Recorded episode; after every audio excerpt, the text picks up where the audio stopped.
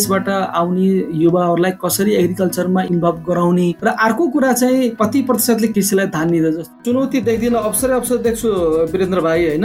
यसमा चुनौती चुनौती भन्ने शब्दभन्दा पनि अवसरै अवसर देख्छु म। पहिला पनि जुन स्थानीय स्वायत्त शासन एन दुई हजार पचपन्न थियो दुई हजार स्थानीय स्वायत्त शासन दुई हजार पचपन्नलाई बिसौँ वर्षसम्म कसैले पनि पढेन। कसैले पनि पढेनन् भन्नाले त्यसलाई कार्यान्वयनको तहमा हेऱ्यो भने त्यसको चाहिँ कति एक दुई पर्सेन्ट भन्दा बढी कार्यान्वयनमा गरिएन। के देखिन्छ भन्दाखेरि कृषि मन्त्रीले प्रस्तुत गर्नुभएको पाँच बुधे कार्यक्रमहरू मध्ये त्यसको चाहिँ जुन कार्यान्वयन गर्ने मेकानिजम हो त्यो मेकानिजम चाहिँ कोअपरेटिभ थ्रु गर्ने भनिएको छ चक्लाबन्दी मार्फत गर्ने भनिएको छ प्रोग्रामहरू बनाउँदाखेरि हामी अब जस्तै उसको एउटा घर एउटा घरमा एउटा सुन्तलाको बोर्ड छ उसलाई चाहिँ टार्गेट गरेर हामी आइसिटी डेभलप गर्न थाल्यौँ भने हामी फेरि फेल हुन्छ वीरेन्द्र भाइ यदि हामी जबसम्म कमर्सियलाइजेसनमा जाँदैनौँ जबसम्म व्यावसायिक उन्मुख हुँदैनौँ तबसम्म हामी यी सबै जे जे जति प्रयास गर्छौँ ती सबै प्रयासहरू विफल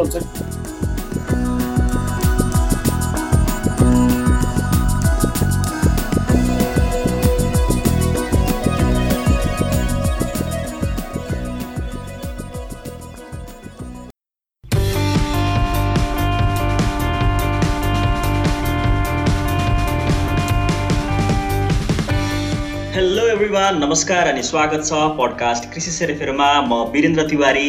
मैले पडकास्ट कृषि सेरेफेरमा रहेर कृषिमा युवाको भूमिका के कस्तो हुन्छ आधुनिक कृषि प्रविधि र दिगो कृषि विकास जस्ता यी तिनवटा विषयवस्तुहरूमा रहेर छलफल अनि कुराकानी गर्दै आएको छु। आजको यो आठौँ एपिसोडसम्म आइपुग्दाखेरि तपाईँहरूको साथ सहयोग र तपाईँहरूको फिडब्याकको लागि म धेरै धेरै धन्यवाद दिन चाहन्छु। तपाईँहरूको फिडब्याकले मलाई अझै अगाडि बढ्नका लागि धेरै सहयोग पनि गरिराखेको छ र तपाईँको फिडब्याकको लागि म आशा पनि गर्दछु। र आजको यो एपिसोडमा मैले यो लकडाउन पश्चात कृषिको विषयहरूमा विभिन्न छलफलहरू हुँदै आएका छन्। र आजको यस एपिसोडमा मैले यो कृषि विकासको लागि स्थानीय निकायले कस्तो खालको भूमिका खेल्नुपर्छ भन्ने विषयमा आज म कुराकानी गर्दैछु र आजको यस कुराकानीमा मसँग कुराकानी गर्नका लागि कृषि तथा पशु विज्ञान अध्ययन संस्थान ट्यु लमजुङ क्याम्पसका डिपार्टमेन्ट अफ सोसियल साइन्सको डिपार्टमेन्ट हेड एसिस्टेन्ट प्रोफेसर मेरो आदरणीय गुरु महेश जैसी सर हुनुहुन्छ र उहाँसँग रहेर मैले आज कुराकानी गर्दैछु र उहाँले संहिता पछिको कृषि प्रसार प्रणालीमा विभिन्न अनुसन्धान पनि गर्दै आउनुभएको छ। उहाँ एग्री एक्सटेन्सनको एसिस्टेन्ट प्रोफेसर पनि हुनुहुन्छ र आउनुहोस् अब भने कुराकानी सुरु गरौँ। गुरु हजुरलाई स्वागत छ पडकास्ट कृषि नमस्ते भाइ। अनि तपाईँले अहिलेको यो लकडाउनको समयलाई चाहिँ सरले कसरी युटिलाइज गरिराख्नु भएको छ सर? लकडाउनको समयलाई मैले अलिक क्रिएटिभ बनाइरहेको छु। एउटा सोसल मोबिलाइजेसनको टेक्स्ट बुक लगभग लगभग फाइनल स्टेजमा पुऱ्याइसकेको छु। त्यसपछि अरू विद्यार्थीसँग परामर्श गर्ने कामहरू थेसिसको केही गाइडलाइनहरू गर्ने कामहरू। आदि इत्यादि लेखन पठनसँग सम्बन्धित कामहरू नै भइरहेका छन् सदुपयोग नै भइरहेछ सर यो समय। एकदमै एकदमै एकदम। सुरुका दिनहरूमा अलिकति तनाव भयो। अहिले अहिले पछिल्लो समयमा चाहिँ यसलाई व्यवस्थापन गर्ने प्रयास गरिरहेको छु हजुर। अब भने हामी कन्टेन्टमै प्रवेश गरौँ सर। जस्तो यो सङ्घीयता आइसकेपछि किसानहरू धेरै आशावादी थिए आफ्नै गाउँठाउँमा अब कृषिको सुविधा लिन पाउँछ आफ्नै गाउँबाट चाहिँ सबै कृषिका सुविधाहरू पाइन्छ भनेर आशावादी थिए। सरलाई चाहिँ के लाग्छ सर? जस्तो स्थानीय निकायहरू आइसकेपछि किसानहरूले जुन रूपमा अपेक्षा राखेका थिए त्यही रूपमा उनीहरूले सेवा पाए त आफ्नो स्थानीय निकायबाट? वीरेन्द्र भाइ एकदमै सान्दर्भिक प्रश्न हो यो। अवश्य पनि त्यो किसानहरूले अथवा स्थानीय निकायका जनताहरूले त्यसरी अपेक्षा राख्नु एकदमै समय अनुकूल हो। किनभने ती धेरै समयदेखि त्यस्तो खालको सेवा सुविधाबाट वञ्चित भइरहेको अवस्थामा केही ट्रान्सफर्मेसन हुँदा हुँदाखेरि अथवा राजनीतिक चेन्जेसहरू ल्याउँदाखेरि यसले पक्कै पनि सेवा सुविधामा चाहिँ असर गर्छ। भन्ने अपेक्षा राख्नु राम्रै हो।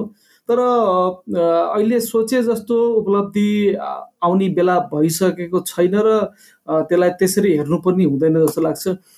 केही रिसर्चहरूले के देखाउँछ भने जनताको अपेक्षा अनुसार सेवा सुविधाहरू आउने समय चाहिँ भइसकेका छैन जस्तो पनि लाग्छ र स्टेट नम्बर दुईमा गरेको एउटा चाहिँ सेवा प्रसारसँग सम्बन्धित एउटा रिसर्च अनुसन्धानले के देखाएको छ भने जनताको अपेक्षा अनुसार चाहिँ सेवा सुविधा अझै पनि पुग्न सकिरहेको छैन भन्ने चाहिँ देखाउँछ। ए हजुर। अनि सर जस्तो यो सङ्घीयता पछि जुन स्थानीय सरकार आयो स्थानीय सरकार आइसकेपछि अब यो कृषि प्रसारका चुनौतीहरू र त्यसपछि सरले यसमा चाहिँ देख्नुभएको अवसरहरू चाहिँ सरले कसरी एनालाइसिस गर्नुभएको छ सर यस यो विषयमा?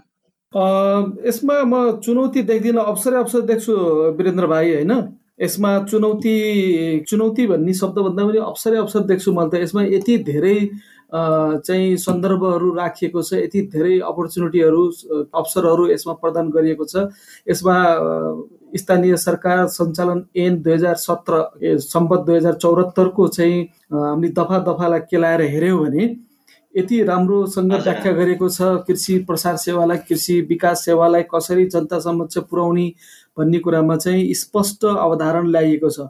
मात्र अब के हो त भन्दाखेरि त्यसलाई कसरी कार्यान्वयन गर्ने भन्ने कुरा चाहिँ जुन स्थानीय स्तरमा का जनप्रतिनिधिहरूलाई स्थानीय स्तरका जनताहरूले यसलाई कसरी कार्यान्वयनमा लैजाने भन्ने कुरा सबभन्दा ठुलो यसलाई चुनौती भन्ने हो भने त्यो चुनौती हो। अदरवाइज यसमा चाहिँ कानुनी व्यवस्थाको हिसाबले स्थानीय सरकार सञ्चालन ऐन दुई हजार चौहत्तरमा मार्ग प्रशस्त गरिएको छ। हजुर त्यही त छ हजुरले भनेअनुसार जस्तो यो स्थानीय सरकार सञ्चालन ऐन दुई हजार चौहत्तरमा सबै कुरा बेली विस्तार लगाएर प्रस्तुत गरिएको रहेछ।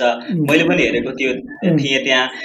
त्यसमा चाहिँ बेरोजगारीको तथ्याङ्क सङ्कलन गर्ने आफ्नो ठाउँमा चाहिँ कस्तो खालको क्रप लगाउन सकिन्छ कस्तो खालको मान्छेहरूलाई कसरी युटिलाइज गर्ने भन्ने जस्ता कुराहरू लिएर मजाले लेखिएको रहेछ।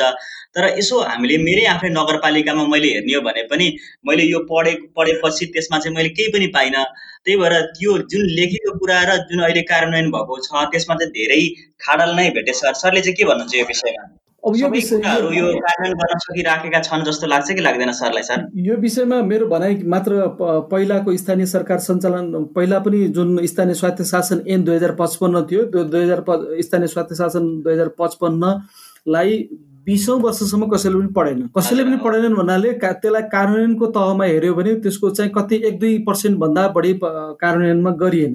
त्यसमा पनि प्रशस्त प्रोभिजन्सहरू थिए। अब अलिकति यसमा गरौँ यो स्थानीय सरकार सञ्चालन एन दुई हजार चौहत्तरलाई हाम्रो अहिलेको संविधान दुई हजार पन्ध्र अथवा दुई हजार बहत्तरमा जारी गरेको संविधानको अनुसूची आठमा जुन बाइसवटा बुदाहरू चाहिँ उल्लेख गरिएको छ स्थानीय सरकारले गर्न सक्ने चाहिँ जुन बाइसवटा बुदाहरू लेखेको त्यस बाइसवटा बुदाहरूमध्ये एक दुई तिन चार पाँच छ सात आठवटा बुदाहरू लगभग आठ दसवटा बुदाहरू प्रत्यक्ष कृषिसँग सरोकार राख्ने विषयहरू पर्छन् जस्तै एक नम्बरमा चाहिँ कृषि सहकारीसँग अथवा सहकारी विकाससँग सम्बन्धित कुरा ल्याइएको छ। अहिलेको बजेट भाषणमा पनि सहकारीलाई चाहिँ प्रोत्साहन गर्ने कुराहरू ल्याइएको छ। त्यस्तै पाँच नम्बर बुदामा चाहिँ लोकल सर्भिसहरूलाई स्थानीय तहका चाहिँ सेवा सुविधाहरूलाई कसरी बढाउने भन्ने कुराहरू गरिएको छ। सात नम्बर बुदामा लोकल लेभलको डेभलपमेन्ट प्लानहरूलाई चाहिँ स्थानीय सर तहका चाहिँ योजनाहरूलाई कसरी व्यवस्थित गर्ने भन्ने कुरा गरिएको छ। त्यस्तै दस नम्बर बुदामा स्थानीय तहमा बजार व्यवस्थापन कसरी गर्ने भनिएको छ। एघार नम्बर बुदामा कसरी कृषि रोडहरूलाई अथवा चाहिँ सिँचाइलाई कसरी व्यवस्थापन गर्ने भनिएको छ। त्यस्तै गरेर पन्ध्र नम्बर बुदामा एग्रिकल्चरलाई स्पष्ट रूपमा कृषि र चाहिँ पशुपालनसँग सम्बन्धित व्यवस्था गरिएको छ। त्यस्तै गरेर अठार नम्बर बुदामा चाहिँ म्या यसलाई एक्सटेन्सन सिस्टमलाई कसरी व्यवस्थापन गर्ने भनिएको छ। त्यस्तै गरेर बिस नम्बर बुदामा डिसेस्टर म्यानेजमेन्ट जुन अहिले चाहिँ विभिन्न प्रकारका महामारीहरू विभिन्न प्रकार के अरे चाहिँ विपद व्यवस्थापन छ यसलाई कसरी व्यवस्थापन त्यो हिसाबले हेऱ्यो भने हामी कहीँ पनि त्यहाँ भएका व्यवस्थाहरूलाई चाहिँ कसरी कार्यान्वयन गर्ने भन्ने कुरा मात्रै समस्या हो। अथवा हामी कानुनी रूपमा हामीलाई त्यो काम गर्ने व्यवस्था गरिएको छैन भन्ने कुरामा समस्या छैन जस्तो लाग्छ। हजुर पक्कै पनि सर जस्तो यो हाम्रो त्यो एनमा सबै कुरा एकदम स्पष्ट राम्रो तरिकाले लेखिएको छ तर कार्यान्वयनको पक्षमा थोरै ढिलाइ भएको छ भन्ने सरको कुरा। अवश्य पक्कै पनि सर। सर जस्तो अब अहिले हामीसँग तिस लाख एकानब्बे हजार हेक्टर चाहिँ खेतीयोग्य जमिन छ जसमध्ये चाहिँ दस लाख दस लाख तिस हजार हेक्टर जमिन चाहिँ बाँझो नै छ। र अहिलेको यो समयमा अधिकार कर्तव्य र पावर सबै स्थानीय निकायसँग भएको यो अवस्थामा त्यस्ता खालका चाहिँ निजी जग्गा जुन बाँझो छन् र अरू अर्को चाहिँ सार्वजनिक जग्गा जुन बाँझो छ त्यस्ता जग्गाहरूलाई चाहिँ प्रयोगमा ल्याउन आफ्नो स्थानीय निकायभित्र रहेको बाँझो जग्गालाई चाहिँ प्रयोगमा ल्याउन स्थानीय सरकारले कस्तो भूमिका खेल्नुपर्छ जस्तो लाग्छ सर हजुरलाई? अब हेर्नुहोस् है मलाई अलिकति हिजोको एक एक हप्ता अगाडि चाहिँ कृषि मन्त्रीले चाहिँ प्रस्तुत गरेको चाहिँ एउटा दस्तावेज र यो वर्षको नीति तथा कार्यक्रमलाई रिलेट गरेर स्थानीय निकायको अहिलेको चाहिँ प्रोभिजन्सहरूसँग रिलेट गर्छु यसलाई। के देखिन्छ भन्दाखेरि कृषि मन्त्रीले प्रस्तुत गर्नुभएको पाँच बुधे कार्यक्रमहरूमध्ये त्यसको चाहिँ जुन कार्यान्वयन गर्ने मेकानिजम हो त्यो मेकानिजम चाहिँ कोअपरेटिभ थ्रु गर्ने भनिएको छ चक्लाबन्दी मार्फत गर्ने भनिएको छ। त्यसलाई मेगानाइज गर्ने भनिएको छ र त्यसलाई कमर्सियलाइज गर्ने भनिएको छ। जुन पाँचवटा बुदाहरूलाई कसरी कार्यान्वयन गर्ने भन्ने मेकानिजमहरू यो यो चाहिँ भनिएको छ।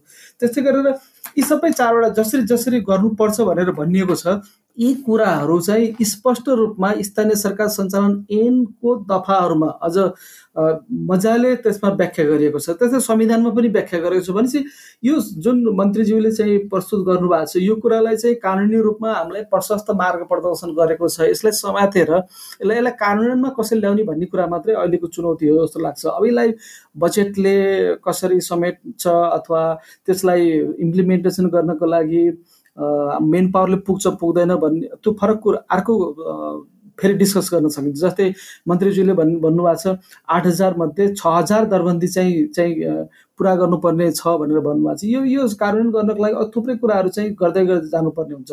तर मैले भन्न खोज जोड दिन खोजेको कुरा के त भन्दाखेरि स्थानीय तहमा चाहिँ यदि कुनै कानुनी रूपमा कुनै बाधा अडचन छ कि छैन भनेर यदि कसैले मलाई प्रश्न गर्यो भने म क्लियरली के भन्छु भने कानुनी रूपमा स्थानीय तहबाट कृषिसँग सम्बन्धित कुनै पनि काम गर्नको लागि मार्ग प्रशस्त गरिएको छ।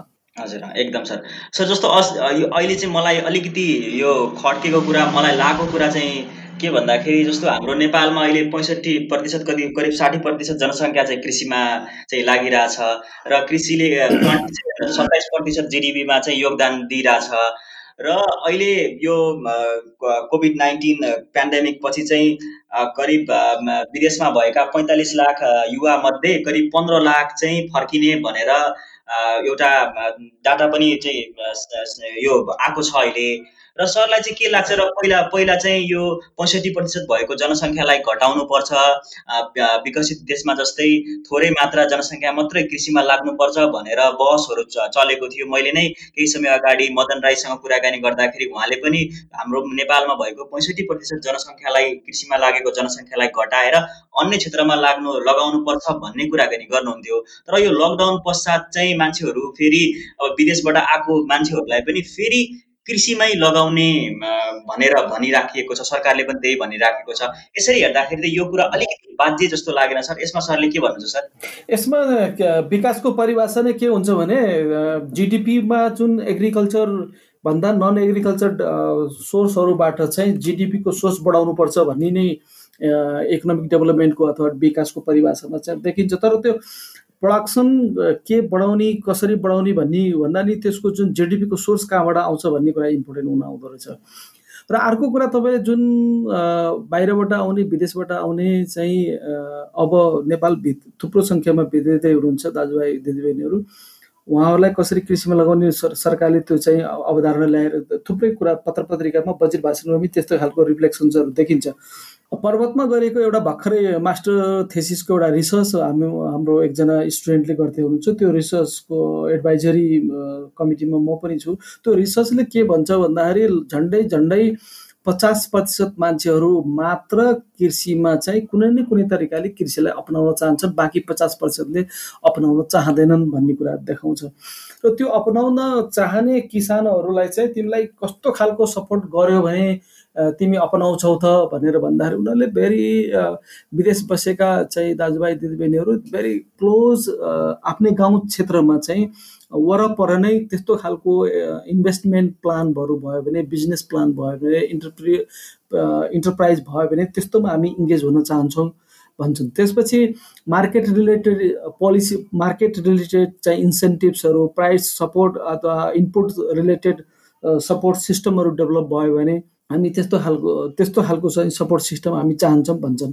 यी सबै कुरालाई चाहिँ मध्यनजर गर्दाखेरि के देखिन्छ त भन्दा दुईवटा कुरा अघि तपाईँले उठाउनु भएको अब के कति प्रतिशतले कृषि अपनाउने भन्ने कुरा चाहिँ छुट्टै बहस हो यो होइन अब यो छुट्टै छुट्टै बहसलाई एउटैमा मिसाएर चाहिँ प्रोभाब्ली कुरा गर्न सकिँदैन होला। जस्तो कि कसरी ती विदेशबाट आउने युवाहरूलाई कसरी एग्रिकल्चरमा इन इन्भल्भ गराउने र अर्को कुरा चाहिँ कति प्रतिशतले कृषि कृषिलाई धान दिँदा जस्तै विदेशी जापान अमेरिकामा हेऱ्यो भने म्याक्सिमम् तिन प्रतिशतदेखि लिएर दस बाह्र प्रतिशतसम्म चाहिँ मात्र किसानहरू चाहिँ किसानहरू देखिन्छ। बाँकी अरू चाहिँ अरू अरू इन्फ्रास्ट्रक्चर रिलेटेड अरू बिजनेस रिलेटेड अरू इन्टरप्रिनरसिप रिलेटेड एक्टिभिटिजमा इङ्गेज भएको देखिन्छ। भनेपछि धेरैजनाले कृषि गर्दा गर्दा मात्रै कृषिको विकास हुन्छ भन्ने अवधारणा होइन। यो कस यो अवधारणा चाहिँ गलत हो। र थोरै प्रतिशत मान्छेहरूलाई पनि यदि त्यसलाई मेकानाइज गरियो भने त्यसलाई कमर्सियलाइज गरियो गर्न सकियो भने चाहिँ विकास गर्न सकिन्छ। तर हाम्रो सोसियो इकोनोमिक डाइ जुन क्यारेक्टरिस्टिक्स छ हाम्रो सोसाइटीको यसलाई अहिले नै त्यसरी त्यो रूपमा रूपान्तरण गर्न सक्ने अवस्था छैन। बिस्तारै यो रूपान्तरण पछि थोरै सङ्ख्याले मात्रै कृषिलाई चाहिँ अवलम्बन गराउने भन्ने अव अवधारणा पछि अवलम्बन गर्न सकिएला। तर हाललाई अहिलेको जुन क्राइसिस म्यानेजमेन्ट जुन अहिलेको हाम्रो सोसल स्ट्रक्चरहरू छ त्यो सोसल स्ट्रक्चरलाई म्यानेज गर्ने रिसोर्सलाई म्यानेज गर्ने यहाँको मेन पावरलाई म्यानेज गर्ने एउटा अहिलेको लागि उपाय के हो त भन्दाखेरि कोअपरेटिभ थ्रु त्यस्ता युवाहरूलाई चाहिँ कृषिमा प्रोत्साहन गर्ने मोटिभेट गर्ने र एग्रिकल्चरलाई चाहिँ प्रमोट गर्दै लैजाने हुनसक्छ। त्यो कालान्तरमा चाहिँ अहिलेको टार्गेट अबको पाँच वर्ष होइन कि केही समयपछि स्वत त्यसबाट चाहिँ डाइभर्सिफिकेसन हुँदै जान्छ प्रडक्टमा डाइभर्सिफिकेसन हुँदै जान्छ सर्भिसमा डाइभर्सिफिकेसन हुँदै जान्छ र तीमा ती जनताहरू बिस्तारै बिस्तारै अरू सेक्टरमा चाहिँ के हुन्छ के अरे के भन्छ म मोबिलिटी हुनसक्छ र अनि अनि त्यसरी चाहिँ इन्डस्ट्रियलाइजको चाहिँ के अरे इन्डस्ट्रीको डेभलपमेन्ट हुँदै जान्छ। हजुर सर पक्कै पनि। सो जस्तो अब यसरी चाहिँ कृषिका कार्यक्रमहरूलाई अगाडि बढाउँदै गर्दाखेरि मासिक रूपमा चाहिँ कृषि क्षेत्रमा कार्यक्रम ल्याउँदै गर्दाखेरि यो कृषि प्राविधिकहरू पनि हाम्रो पहिलेदेखि नै अभाव छ र रिसर्चहरूले पनि देखाइराखेको छ। एकजना चाहिँ कृषि विज्ञले एक हजार तिन सय तेत्तिसजना किसानहरूलाई सेवा दिनुपर्ने बाध्यता देखाइराखेको यो अवस्थामा अब यसरी मासिभली चाहिँ कार्यक्रमहरू ल्याइराख्दाखेरि अझ झन् यो कृषि विज्ञको अभाव हुने चाहिँ देखिन्छ। र अब स्थानीय सरकारले र त्यसपछि सरकारले यो कृषि प्राविधिक बढाउन पर्ने आवश्यकता छ अहिले कतिको देख्नुहुन्छ सर? देशमा दुईमा छैन। यदि कृषिलाई प्रायोरिटी गरेर कृषिलाई प्राथमिकतामा राखेर विकास गर्ने हो भने त्यो चाहिँ मेन पावर आवश्यक किनभने बिना मेन पावर त कुनै पनि सेक्टरको डेभलपमेन्ट हुन सक्दैन। त्यस हुनाले त्यसो मेन पावर डेभलपहरू गर्दाखेरि पनि त्यहाँ प्रोफेसनल लेभलका हायर लेभलका चाहिँ मेन पावर र मिडल लेभलका चाहिँ एक्सटेन्सन स्टाफहरूको चाहिँ डेभलपमेन्ट र तल्लो तहका चाहिँ जुन एकदमै फ्रन्ट लेभलमा किसानसँग प्रत्यक्ष सरोकार राख्छन् त्यस्ता खालका तिन तहमा गरेर हामीले विकास गर्नुपर्ने हुन्छ। र यो अहिलेको जुन मेन पावर स्ट्रक्चर छ रेसियो छ यो रेसियोले अवश्य पनि पुग्दैन। हामीले प्रशस्त मात्रामा चाहिँ मेन पावरहरू बढाउनु पर्ने देखिन्छ। त्यो त्यसको लागि स्थानीय स्तरमा ले चाहिँ लाई त्यो चाहिँ अधिकार दिएको छ छुट दिएको छ जस्तै कि म्युनिसिपालिटी लेभलमा पालिका लेभलमा उसले आफ्नो पुलिस फोर्सहरू बनाउन सक्छ आफ्नो चाहिँ आफूलाई चाहिने आवश्यक पर्ने कुनै पनि विकासका कार्यक्रम गर्नको लागि उसले आफूलाई चाहिने स्थानीय तहकै चाहिँ व्यक्तिहरूलाई रिक्रुटमेन्ट गर्ने प्रोसेसमा जान सक्छ मेन पावर क्रिएट गर्न सक्छ। हजुर। सर जस्तो यो सबै अधिकार स्थानीय तहसँग छ तर अझै पनि किन चाहिँ यो स्थानीय तहहरूले यो काम गर्न सकेको छैन जस्तो लाग्छ? सर जस्तो मेरै स्थानीय निकायमा पनि अहिले एकजना मात्र कृषि प्राविधिक हुनुहुन्छ र त्यो पनि केही समय अगाडिदेखि हो र अहिले यति धेरै चाहिँ कृषि प्राविधिक आवश्यक छ तर पनि स्थानीय निकायहरूले आफूसँग पावर हुँदा हुँदै पनि गरिराखेको छैन। र अब पोखराको मेट्रोपोलिटन सिटीमा कमल देवकोटा र धनेश थापा सरहरूले गर्नुभएको एउटा अध्ययनले एक मिलियन डलर चाहिँ कृषि क्षेत्रमा छुट्याइएको र जसमध्ये यो चाहिँ मेन पावरको कमीले गर्दाखेरि आधा भन्दा कम चाहिँ मात्र खर्च भएको भनेर देखाउँछ। र यति धेरै पावर स्थानीय सरकारसँग छ तर पनि उनीहरूले यो कृषि प्राविधिकहरू चाहिँ भर्ती गराउन सकिराखेका छैनन् र जसले गर्दाखेरि कृषि त्यो त्यो स्थानीय निकायको कृषि विकासमा अन्डर खाइराखेको छ। र यो महानगरपालिकामा त यस्तो छ भनेपछि स्थानीय तहको यो गाउँपालिकामा कस्तो अवस्था छ भनेर हामीले यत्तिकै आकलन पनि गर्न सक्छौँ। यो किन चाहिँ उनीहरूले स्थानीय तहहरूले चाहिँ यो प्राविधिकहरू चाहिँ भर्ती गर्नलाई पछि परेका होला सर? यो अलिकति कन्फ्युजन कहाँनिर हुनसक्छ भने स्टेट लेभलमा स्टेट लेभलमा पब्लिक सर्भिस कमिसन्स लोकसेवाको चाहिँ अवधारणा ल्याइएको छ। यो चाहिँ सबै ठाउँमा अहिले यो फङ्सन्समा आइसकेका छैन। त्यस हुनाले यो सायद यो फङ्सनमा आयो भने यसले चाहिँ आफ्नो स्टेट अन्तर्गतका म्युनिसिपालिटीहरूलाई रेगुलेट गर्न सक्छ। कसरी स्थानीय तहमा चाहिँ चाहिँ कर्मचारीहरू राख्ने आवश्यकता अनुसारको चाहिँ कसरी परिपूर्ति गर्ने भन्ने कुरा अलिक क्लियर हुँदै जाला। अहिले त्यो हिसाबले पनि अलिकति चाहिँ कन्फ्युजन भएको होला। किनभने यो दुई हजार सत्रमा मात्रै यो आयो स्थानीय सरकार सञ्चालन ऐन आयो।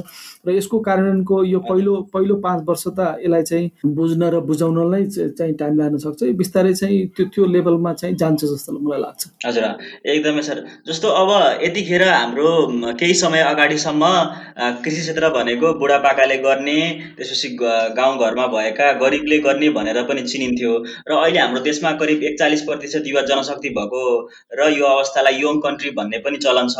र यस्तो अवस्थामा अब कृषिमा युवा लाग्न अति नै आवश्यक छ। यो सबै कुरालाई चाहिँ सबैलाई थाहा भएकै कुरा हो।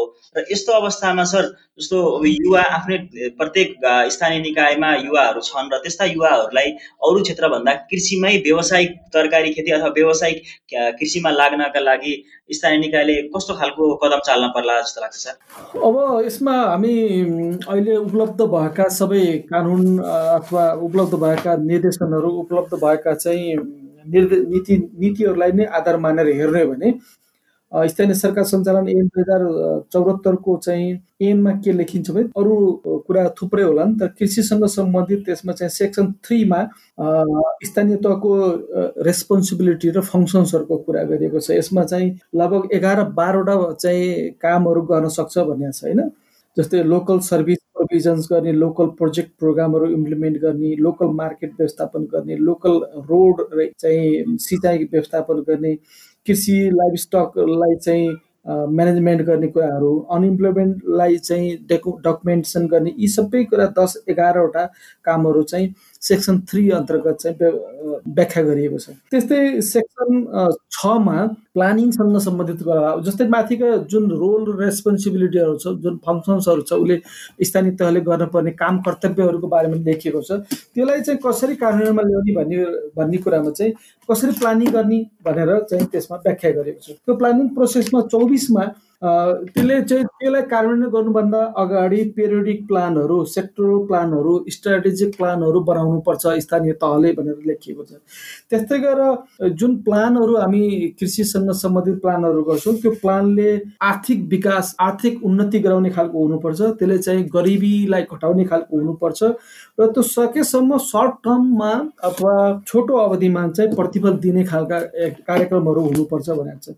त्यस्तै गरेर चौबिस केही अर्को चार पाँच छ नम्बर बुँदामा चाहिँ के लेखेको छ भने कसरी ती कार्यक्रमलाई चाहिँ आइडेन्टिफिकेसन गर्ने कसरी चाहिँ पहिचान गर्ने त्यसलाई कसरी प्राथमिकतामा ल्याउने भन्ने प्रोसेसको बारेमा र त्यसलाई कसरी मोनिटरिङ र इभालुएसन गर्ने अथवा त्यसलाई त्यसको अनुगमन गर्ने प्रणाली कसरी व्यवस्था गर्ने त्योसम्मको चाहिँ व्यवस्थापन गर भनेको छ। त्यस्तै गरेर त्यसले त्यति मात्रै भनेको छैन कि यदि तिम्रो स्थानीय तहमा कुनै एनजिओहरू छ आइएनजिओहरू छ भने तिनीहरूसँग कम्युनिटी लेभलका चाहिँ नागरिक समुदायहरू को को छन् त्यो समुदायहरूसँग कसरी काम गर्ने समन्वयमा कसरी काम गर्ने समन्वयमा काम गर भनेर इङ्गित गरेका छ त्यस्तै गरेर छब्बिस नम्बर चाहिँ दफामा फेरि त्यसलाई चाहिँ थुप्रै मल्टिलेटरल चाहिँ एजेन्सीहरूसँग प्राइभेट एजेन्सीहरूसँग कसरी कोलाबोरेसन छ कसरी चाहिँ समन्वयमा काम गर्ने भनेर चाहिँ लेखिएको छ। भने यी सबै कुराले हेऱ्यो भने यो यसमा हामी कतै पनि चाहिँ विचलित हुनु हुँदैन स्थानीय तहका चाहिँ जनप्रतिनिधिहरू विचलित हुनु हुँदैन र यसलाई आधार मानेर हामीले अबका कार्यक्रमहरू कृषिसँग सम्बन्धित कार्यक्रमहरू चाहिँ हामीले बनाउँदै गयौँ भने हामी समय लाग्ला तर हामी कमसेकम एउटा एउटा वेमा एउटा एउटा दिशामा चाहिँ जान्छौँ। र यसले पक्कै पनि एकदम छोटो समयमा केही न केही प्रतिफलहरू दिन थाल्छ। हजुर। भनिसकेपछि हाम्रो स्थानीय तहहरू यो स्थानीय सरकार सञ्चालन ऐनलाई अझै बुझ्ने क्रममै छन् भनेर बुझ्न सक्छौँ होइन सर? एकदमै एकदमै। यसलाई र यो बुझि बुझ्ने क्रममा बुझिसकेपछि यो चाहिँ बुझाइलाई ट्रान्सलेट गर्नको लागि यो बुझाइलाई ट्रान्सफर्म गर्नको लागि को कससँग कसरी सहकार्य गर्ने समन्वय गर्ने चाहिँ हामी युनिभर्सिटीसँग समन्वय गर्न सक्छ प्राइभेट सेक्टरसँग समन्वय गर्न सक्छ अरू प्राइभेट एजेन्सीहरूसँग समन्वय गर्न सक्छ।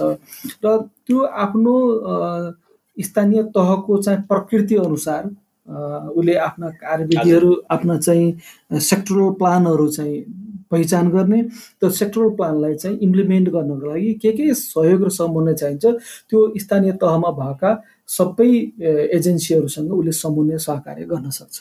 हजुर।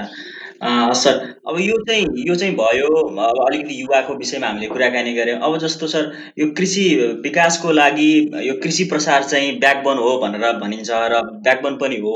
र अबको यस लकडाउन पछिको समयमा यो कृषिको विकास गर्नलाई कृषि कृषि प्रसार प्रणा प्रणालीलाई चाहिँ बलियो बनाउन आवश्यक नै छ। र स्थानीय निकायले कस्ता खालका कार्यक्रम ल्यायो अथवा चाहिँ कस्तो खालको प्रविधि युज गर्यो भने आफ्नो कृषि यो प्रसार प्रणालीलाई चाहिँ बलियो बनाउन सक्ला सर? अब प्रसार प्रणाली र उत्पादन प्रणाली फरक फरक कुरा उत्पादन प्रणाली विकसित गर्नको लागि उत्पादन बढाउनको लागि चाहिँ कस्तो खालको प्रसार प्रणाली चाहिँ चाहिन्छ भनेर भन्यो भने यो अलिक फरक विषयवस्तु हुनसक्छ होइन? मैले अघि भनिसकेँ जस्तो कि त्यो म्युनिसिपालिटी त्यो स्थानीय तहको प्रकृति अनुसार त्यो स्थानीय तहको चाहिँ भौगोलिक अवस्था अनुसार त्यहाँको चाहिँ भएका रिसोर्सहरू अनुसार नै हामीले योजना बनाउने हो। त्यो यो त्यो रिसोर्स अनुसार त्यो भौगोलिक स्थिति अनुसार पहिला हामीले पाँच वर्ष दस वर्ष बिस वर्ष रणनीतिहरू बनाउनु पर्यो अब पाँच वर्षपछि हामी चाहिँ ल मानव कुनै एउटा सुन्दर बजार के अरे एउटा नगरपालिका छ भने सुन्दर बजारभित्र अबको पाँच वर्षपछि बाहिरबाट कुनै पनि तरकारी आउँदैन भनेर हामीले एउटा लङ टर्म स्ट्राटेजी बनायौँ बनायौँ भने अब हाम्रो चाहिँ कार हाम्रो प्रोग्रामहरू कस्तो हुनु पर्यो त भन्दाखेरि तरकारी उत्पादनलाई चाहिँ सेल्फ सफिसियन्सी लैजानको लागि आत्मनिर्भर बनाउने खालका प्रोग्राम गर्नु पर्यो। भने यसले के इन्डिकेट गर्छ त पहिला स्ट्राटेजी सेट अब पाँच वर्ष दस वर्ष बिस वर्षको स्ट्राटेजी सेट गरेपछि त्यो अनुसारकै कार्यान्वयनका प्रक कार्यान्वयनका तहहरू निर्माण गर्नु पर्यो। त्यस हुनाले पहिला हाम्रो चाहिँ अझ अझ म के भन्छु भने यदि यदि हामी कहाँबाट सुरु गर्नुपर्ने हुन्छ भने त्यो म्युनिसिपालिटीको अथवा त्यो स्थानीय तहको मेजर उत्पादनहरू मेजर के हो त? अहिलेको पनि बजेट भाषणमा कृषि मन्त्री के अरे मा के देखियो भने एक गाउँ एक उत्पादन भन्ने शब्दलाई चाहिँ यसमा चाहिँ अझ इन्डिकेट गरिएको देखिन्छ। अझ ट्रेडिसनल फुड सिस्टमलाई चाहिँ इन्हान्स गर्ने भनेर देखिएको छ। भनेपछि वान क्रप वान भिलेज भनेर भनिएको छ। भनेपछि त्यो भनेर के हो त भन्दाखेरि एउटा टोलमा एउटा समुदायमा एउटा एउटा गाउँमा चाहिँ के उत्पादन अर्को गाउँमा के उत्पादन त्यस्तै एउटा क्षेत्रमा चाहिँ के के उत्पादन हामी धेरै कुरा यो पनि त्यो पनि सबै गर्न खोज्यौँ भने हामी कहीँ पनि पुग्दैनौँ। त्यस हुनाले हामीले एकदमै अब गर्न सक्ने पाँच वर्षको लागि दस वर्षको लागि बिस वर्षको लागि प्रियोरिटी क्रपहरू प्राथमिकता प्रद बालीहरू के के हुन्? यदि यदि हाम्रो प्राथमिकता मकै हो भने हामी मकैमा फोकस गर्नु पऱ्यो हाम्रो प्राथमिकता धान हो भने धानमा फोकस गर्नु हाम्रो प्राथमिकता चाहिँ तरकारी हो भने तरकारीमा फोकस गर्नु पऱ्यो त्यही भनेर म अघि भने यहाँको जोग्राफी यहाँको धरातेले बनावट यहाँका मान्छेहरूको आवश्यकता यहाँको चाहिँ भौगोलिक माटोको चाहिँ स्ट्रक्चरहरू सबै हेरेर हाम्रो अबको प्राथमिकता प्रद बालीहरू के के हुन् त्यसमा हामीले फोकस गर्नुपर्ने देख्छु। हजुर। सर जस्तो अब कुनै एउटा आफ्नो आफ्नो स्थानीय निकायमा महत्त्व भएको बाली चाहिँ उनीहरूले फिक्स गरिसकेपछि जस्तो कृषि प्रसार सेवा चाहिँ कसरी दिने भन्ने प्रसङ्ग जस्तो पहिला देखिको एउटा प्रसार प्रणाली भनेको किसानहरू कृषि सेवा केन्द्रमै गएर चाहिँ सेवा लिने गर्थे। तर अबको यो लकडाउन पछिको समयमा अलिकति आइसिटीका चाहिँ कुराहरूलाई पनि प्रयोग गरेर कृषि प्रसार सेवा दिने कि भन्नेतर्फ पनि अब नगरपालिकाहरू स्थानीय निकायहरू लाग्न पर्छ जस्तो लाग्छ मलाई चाहिँ। सरलाई चाहिँ के लाग्छ सर यो विषय यो लकडाउनलाई नै यो क्राइसिस अवस्थामा क्राइसिस म्यानेजमेन्ट कसरी गर्ने भन्ने विषयमा कुरा गऱ्यो भने अलिकति फरक प्रगतिको कुरा हुनसक्छ। यसलाई चाहिँ तत्काल छ महिनाको लागि तत्काल तिन महिनाको लागि कसरी व्यवस्थापन गर्ने भन्ने कुरा अलिक यो पनि अहिले आवश्यकता हो सर एकदम। फरक हुनसक्छ। तर लङ टर्म स्ट्राटेजीमा हाम्रो कृषि विकास रणनीतिले चाहिँ कसरी चाहिँ अवधारणा बनाएको छ भन्ने कुरा लाई हेऱ्यो भने अलिक फरक प्रकृति हुनसक्छ। म दुइटै प्रकृतिको कुरा गर्छु। अब लङ टर्म स्ट्राटेजीकोमा हेऱ्यो भने कृषि विकास रणनीतिले चाहिँ स्थानीय तहमा कम्युनिटी लेभलमा चाहिँ कृषि प्रसारको एउटा चाहिँ केन्द्र बनाउने त्यसलाई चाहिँ कम्युनिटी लेभलको एग्रिकल्चर सेन्टरहरू त्यसमा एग्रिकल्चर नामले एग्रिकल्चर भने पनि त्यसमा एग्रिकल्चर लाइफ स्टक वन सबै काल खालका चाहिँ सेवा एउटै एउटै केन्द्रबाट एउटै सेन्टरबाट त्यसलाई चाहिँ सिएइएससी भनेर भनिएको छ। हो त्यो सेन्टर चाहिँ एउटा बोर्ड बनाउने त्यो बोर्डले त्यसमा चाहिँ त्यहाँ त्यो त्यो म्युनिसिपालिटीलाई त्यो स्थानीय तहलाई चाहिने सबै प्रकारका सेवाहरू स्किल ट्रान्सफरका सेवाहरू मल बिउका सेवाहरू त्यसपछि गएर परामर्शका सेवाहरू त्यो एउटै छानाबाट एउटै केन्द्रबाट प्रोभाइड गर्ने गर्ने गरी एउटा केन्द्रको परिकल्पना गरेको छ। यो लङ टर्मको कुराहरू भयो होइन? त्यसले के गर्छ त्यो एउटा चाहिँ एउटा त्यो चाहिँ बोर्ड जस्तो स्थानीय तहकै मान्छेहरूले चाहिँ गभर्न गर्ने एउटा बोर्ड भन्छ र त्यसमा स्थानीय सरकारका चाहिँ विभिन्न निकायहरू निकायहरूले त्यसलाई चाहिँ क्षमतावान बनाउनको लागि त्यसलाई चाहिँ त्यसलाई फङ्सनमा ल्याउनको लागि सरकारका आफ्ना निकायहरू जस्तो अरू अरू चाहिँ जुन पहिलाको जिल्ला कृषि विकास कार्यालय थियो भने अबको चाहिँ जुन ज्ञान केन्द्रहरू छ त्यसले कसरी त्यसलाई लिङ्केजमा राख्ने कसरी सेवा पुऱ्याउने भन्ने आफ्नो आफ्नो स्ट्राटेजी बनाउन बनाउन तर स्थानीय तहमा त्यो सेन्टरले त्यो स्थानीय तहमा आवश्यक पर्ने के कस्ता खालका सेवा सुविधाहरू पुरा गराउनुपर्छ? त्यो सेवा सुविधा पुर्याउनको लागि कस्ता कस्ता स्ट्रक्चरहरू चाहिन्छ? कति मेन पावर चाहिन्छ? कस्तो खालको सेवा सुविधाहरू दरहरू तोक्ने? कस्ता कस्ता मान्छेलाई सेवा पुऱ्याउने? कस्ता कस्ता मान्छेलाई सब्सिडी दिने? यी सबै रणनीति चाहिँ यसले बनाउन सक्छ र त्यहाँबाट सेवा प्रदान गर्न सक्छ। यो भयो एउटा लङ टर्म चाहिँ दीर्घकालीन रूपमा कसरी स्थानीय तहमा कृषि सेवा पुऱ्याउने कृषि प्रसार सेवा पुऱ्याउने भन्ने कुराहरू भयो। मानव उदाहरणको लागि कुनै एउटा एउटा म्युनिसिपालिटी गाई पालनको लागि एकदमै प्रख्यात छ र त्यसको प्रशस्त रिसोर्सहरू छ भने उसले पुरै धेरै आफ्नो स्रोतहरू गाई पालनतर्फ अथवा दुध उत्पादनतर्फ चाहिँ उसले बढी प्राथमिकता राखेर आफ्नो प्रोग्राम बनाउनु पर्छ बनाउन सक्छ। तर यसको अर्थ यदि त्यो गाउँपालिका यदि त्यो पालिका चाहिँ गाई पालनको लागि प्रमुख हो भने त्यसलाई अरू धान नलगाउने अरू मकै नलगाउने भन्ने कुराहरू आउँदैन त्यो सँगसँगै अरू पनि तर प्राथमिकता प्रहद्ध चिजहरू एउटा दुईवटा तिनवटा चारवटा पाँचवटासम्म चाहिँ हुन सक्छन्। किनभने सबै कुरामा गर्न खोज्यौँ भने हामी कहीँ पनि पुग्दैनौँ। त्यो हिसाबमा हामी बिस्तारै बिस्तारै बिस्तारै चाहिँ हामी जाउँला अब सेकेन्ड्री प्रियोरिटी हुनसक्छ थर्ड टर्सरी चाहिँ प्रियोरिटी हुनसक्छ। यो एउटा चाहिँ लङ टर्म स्ट्राटेजी कसरी बनाउने भन्ने कुरा। अब क्राइसिसको बेलामा अब आउने समयमा कसरी म्यानेजमेन्ट गर्ने भन्ने कुरा चाहिँ हामी अहिलेलाई थुप्रो भलिन्टियरहरूको चाहिँ व्यवस्था गर्न सक्छौँ। अब अहिले यो अघिल्लो हप्ता मात्रै एनजिओहरूले चाहिँ विभिन्न विकाससँग सम सरोकार राख्ने चाहिँ समुदायमा आधारित सङ्घ संस्थाहरूले हाम्रो रोल चाहिँ खै भनेर मागेको अवस्था छ उहाँहरूलाई हामी परिचालन गर्न सक्छौँ। अब कहिलेकाहीँ यो स्थानीय विशेष अनु ठाउँ अनुसारको पनि हुनसक्छ जस्तै लमजुङ क्याम्प क्याम्पसकै कुरा गऱ्यो लमजुङ क्याम्पसमा भएको सुन्दर बजार जुन स्थानीय निकाय छ त्यसले चाहिँ सुन्दर बजार के अरे कृषि क्याम्पसमा भएका मेन पावरहरूलाई प्रयोग गर्न सक्छ। त्यस्तै अरू ठाउँमा अरू खालका चाहिँ प्रोभिजन्सहरू हुनसक्छन् भलिन्टियर्सहरू हुनसक्छन् युवाहरू हुनसक्छन् तिनलाई चाहिँ कुनै न कुनै तरिकाले चाहिँ परिचालन गर्न सक्छ। यो क्राइसिसलाई हजुर। सो जस्तो अब मैले चाहिँ अहिलेको तत्कालीन अहिलेको अवस्थाको विषयमा अलिकति अझै जोड गरेँ। अहिलेको यो अहिले लकडाउन भइरहेछ यो लकडाउन कहिलेसम्म जानियो भनेर पनि निश्चित छैन।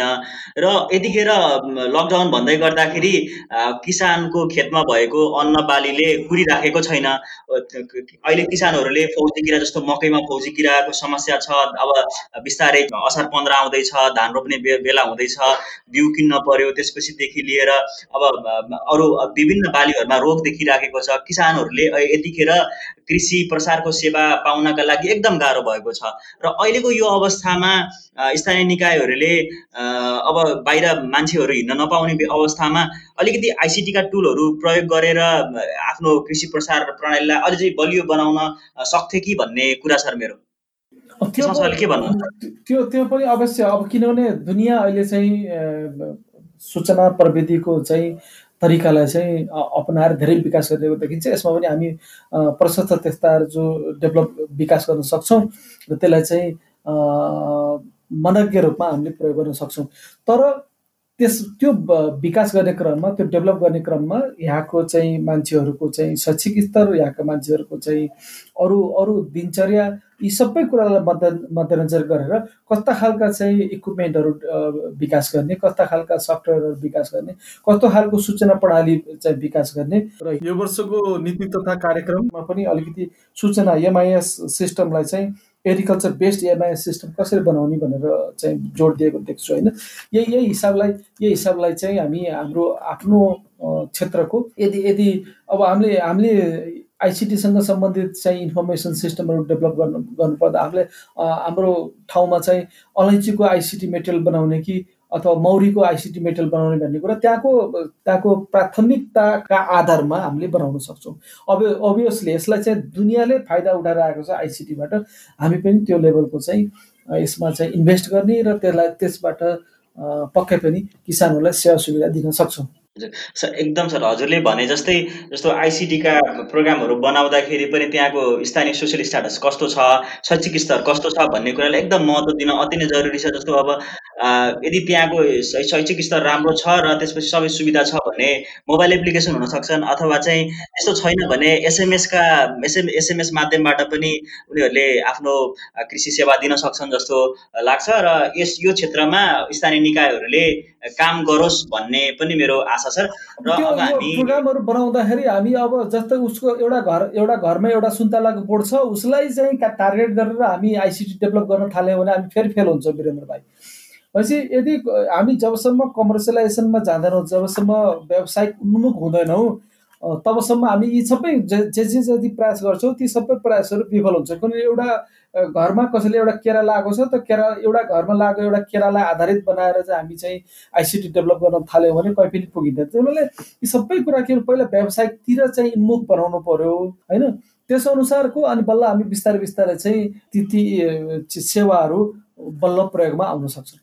हजुर एक्ज्याक्टली सर सर अब हामी यो पडकास्टको करिब करिब अन्तिममा पनि छौँ र अन्तिममा सरलाई मैले एउटा अन्तिम प्रश्न राख्न राख्न चाहन्छु। सरले पनि अघि कुराकानी गरिसक्नु भएको छ। त्यसमा थोरै थप गर्न चाहेँ। सरले अघि अगाडि कुराकानी गर्नुभएको थियो कृषि तथा पशु विकास पशुपन्छी विकास मन्त्रालयले सुरक्षित कृषि सुनिश्चित बचत भन्ने नारासहितको पाँचवटा नीतिगत आधारसहितको अवधारणा ल्याएको छ। र यसको यसमा चाहिँ विभिन्न पाँचवटा कुराहरू भनिएको जसमा चाहिँ यो अनुदानका कुरा त्यसपछि चाहिँ यो बिमाका कुराहरूलाई फोकस गरिएको थियो। जुन पाँचवटा कुरा पहिलेदेखि नै भन्दै आइएको थियो र त्यसमा किसान त्यसमा चाहिँ कार्यान्वयनको पक्ष एकदम कमजोरी देखिएको थियो र किसानहरूले के पनि भन्ने गरेका छन् भने एउटा किराना पसलको मान्छे र एउटा किसानले ब्याङ्कमा गएर कृषि अनुदान लिन खोज्यो भने बरु किराना पसलको मान्छेले चाहिँ त्यो ऋण पाउला सहुलियत ऋण पाउला तर किसानले नपाएको अवस्था छ भन्ने जनगुनासो किसानहरूको गुनासो पनि सुनिएको थियो। हिजो पनि एउटा डिस्कसनमा चाहिँ त्यो कुरा आएको थियो। र अब कृषि मन्त्रालयले यसो भनिराख्दाखेरि यो पाँचवटा अवधारणा अगाडि बढाइराख्दाखेरि जुन पहिले पहिले पनि भनिएको थियो पहिलेदेखि नै यस्ता कुराहरू आएको थियो। अब यसको कार्यान्वयनको पक्ष कतिको सबल हुनुपर्छ जस्तो लाग्छ सर अन्तिममा? सबै कुरा गरेर कार्यान्वयनमा टुङ्गिन्छ। यी सबै कुराहरू तपाईँले भन्नुभयो जुन चाहिँ धेरै अगाडि एपिपीमा कृषि दीर्घकालीन कृषि रणनीतिमा पनि यी कुराहरू थिए। अहिलेको चाहिँ के भन्छ कृषि विकास रणनीतिमा पनि यी कुराहरू छन्। मात्र कुरा के हो त भन्दाखेरि यसलाई कसरी कार्यान्वयन गर्ने भन्ने कुरा हो। यो कार्यान्वयन गर्ने इकाइ भनेको चाहिँ स्थानीय तह हो। जब स्थानीय तहले र यो चाहिँ कृषि मन्त्रीले बनाएका अवधारणाकै आधारमा ती कृषिलाई कसरी विकास गर्ने भन्ने कुराहरू आएका छन्। र यो कुरा अन्तत कहाँ इम्प्लिमेन्टेसन हुन्छ त कहाँ कार्यान्वयन हुन्छ त भन्दाखेरि खेतमा बारीमा त्यो भनेको स्थानीय निकायमा। सुनाले स्थानीय निकायले आफ्नो रोल रेस्पोन्सिबिलिटी फङ्सन्सहरू कानुनी दायराभित्र भएका जुन संविधानभित्र भएका अथवा एनभित्र भएका सबै अधिकारहरूलाई कसरी प्रयोगमा ल्याउने र यसलाई चाहिँ इम्प्लिमेन्टेसनमा ल्याउने भन्ने कुरामा नै बढी फोकस गर्नु पर्यो। एकदम सर। एकदम। जस्तो अब यो कृषि भने कृषि विषय एउटा तिनटै सरकारको कर्तव्य र अधिकारभित्रको कुरा भयो र त्यही भएको कारणले गर्दाखेरि पनि यसको जुन यो कार्यान्वयनको पक्षमा तिनैवटा तिनै तिनै सरकार चाहिँ एउटा समन्वय गरेर अगाडि बढ्न सक्यो भने मात्र जुन आज अहिले यो भनिएको पाँचवटा अवधारणा कार्यान्वयन भएर किसानले त्यसबाट चाहिँ फाइदा पाउला पाउन सक्ला होइन सर? एकदमै यसमा अब अलिकति तिनटै लेभलका गभर्मेन्टहरू फेडरल गभर्मेन्ट स्टेट गभर्मेन्ट र लोकल गभर्मेन्टहरूको समन्वयात्मक चाहिँ पावरहरू हेऱ्यो भने चारवटा बुदाहरू भयो विभिन्न भएका बुदाहरूमध्ये कृषिसँग सरोकार प्रत्यक्ष सरोकार राख्ने चारवटा बुदाहरू चाहिँ एकदमै क्रियाशील भएको देखिन्छ। एउटा चाहिँ तिनटै समूनात्मक चाहिँ के के रोल हुन्छ त भनेर हेर्दाखेरि एउटा कसरी कोअपरेटिभ डेभलपमेन्ट गर्ने भन्ने कुरा एउटा छ।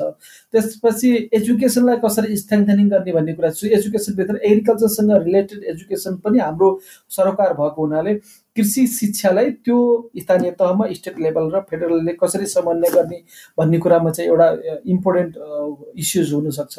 त्यो कृषि विषयले नै त्यो स्वत एउटा प्राथमिकता विषय विषय भयो। त्यसपछि अर्को चौथो बुदा भनेको पोभर्टी एलिभेसनसँग सम्बन्धित गरिबी निवारणसँग सम्बन्धित कुराहरूलाई चाहिँ कसरी तिनटै सरकारले कसरी समन्वयमा काम गर्न सक्छ भनेर कुरा लेखिएको छ। तर यो कुराले चाहिँ के इन्डिकेट इन्डिकेट गर्छ त भन्दाखेरि हामी हामी आफ्नै थुप्रै रोल रेस्पोन्सिबिलिटीहरू छन्। त्यो सँगसँगै स्टेट लेभलमा भएका थुप्रै रोल रेस्पोन्सिबिलिटी छ जसले कृषिको चाहिँ विकास गर्नको लागि चाहिँ थुप्रै प्रोभिजन्सहरू दिएको छ।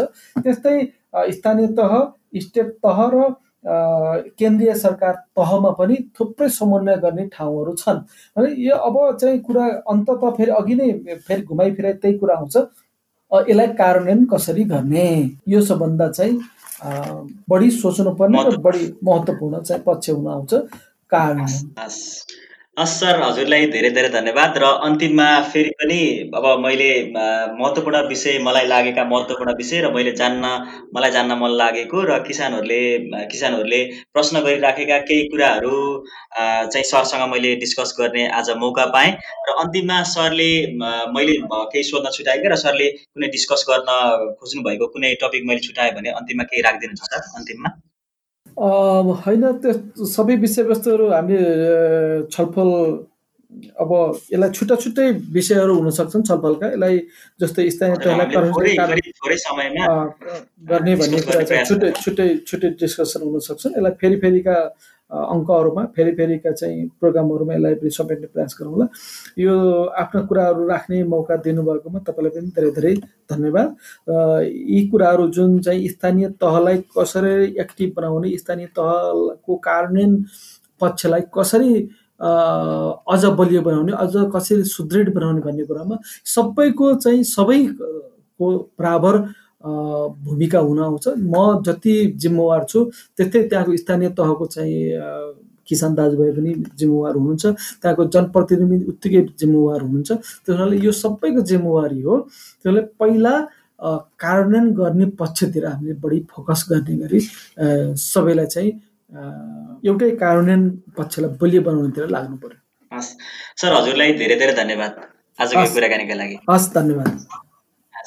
आज मैले कुराकानी गरेको थिएँ कृषि तथा पशु विज्ञान अध्ययन संस्थान टियु लमजुङ क्याम्पसको department of social science department head मेरो आदरणीय गुरु एसिस्टेन्ट प्रोफेसर महेश जैसी सरसँग आज मैले अबको यो स्थानीय निकायले अबको यो लकडाउनपछि आफ्नो कृषि कार्यक्रमलाई कसरी अगाडि बढाउनु पर्छ भन्ने महत्त्वपूर्ण केही विषयहरूमा छलफल गर्ने प्रयास गऱ्यौँ धेरै विषयवस्तु समेट्ने प्रयास गरेको कारणले गर्दाखेरि केही कुराहरू छुटेको हुनसक्छ। फेरि पनि यस्ता छुटेका विषयवस्तुलाई अर्को एपिसोडमा मैले स्थान दिने नै छु यतिन्जेलसम्म यो पडकास्ट कृषि फेर सुनेर साथ दिनुभएको तपाईँ सबैलाई धेरै धेरै धन्यवाद दिन चाहन्छु। र अन्तिममा फेरि पनि आजको यस पडकास्टको अतिथि आदरणीय गुरु महेश जैसी सरलाई पनि धेरै धेरै धन्यवाद दिँदै आफ्नो फिडब्याक पठाउँदै गर्नुहोला। भन्दै आजको यो पडकास्टबाट म वीरेन्द्र तिवारी बिदा हुन चाहन्छु। हवस् त नमस्कार जय युवा जय कृषि।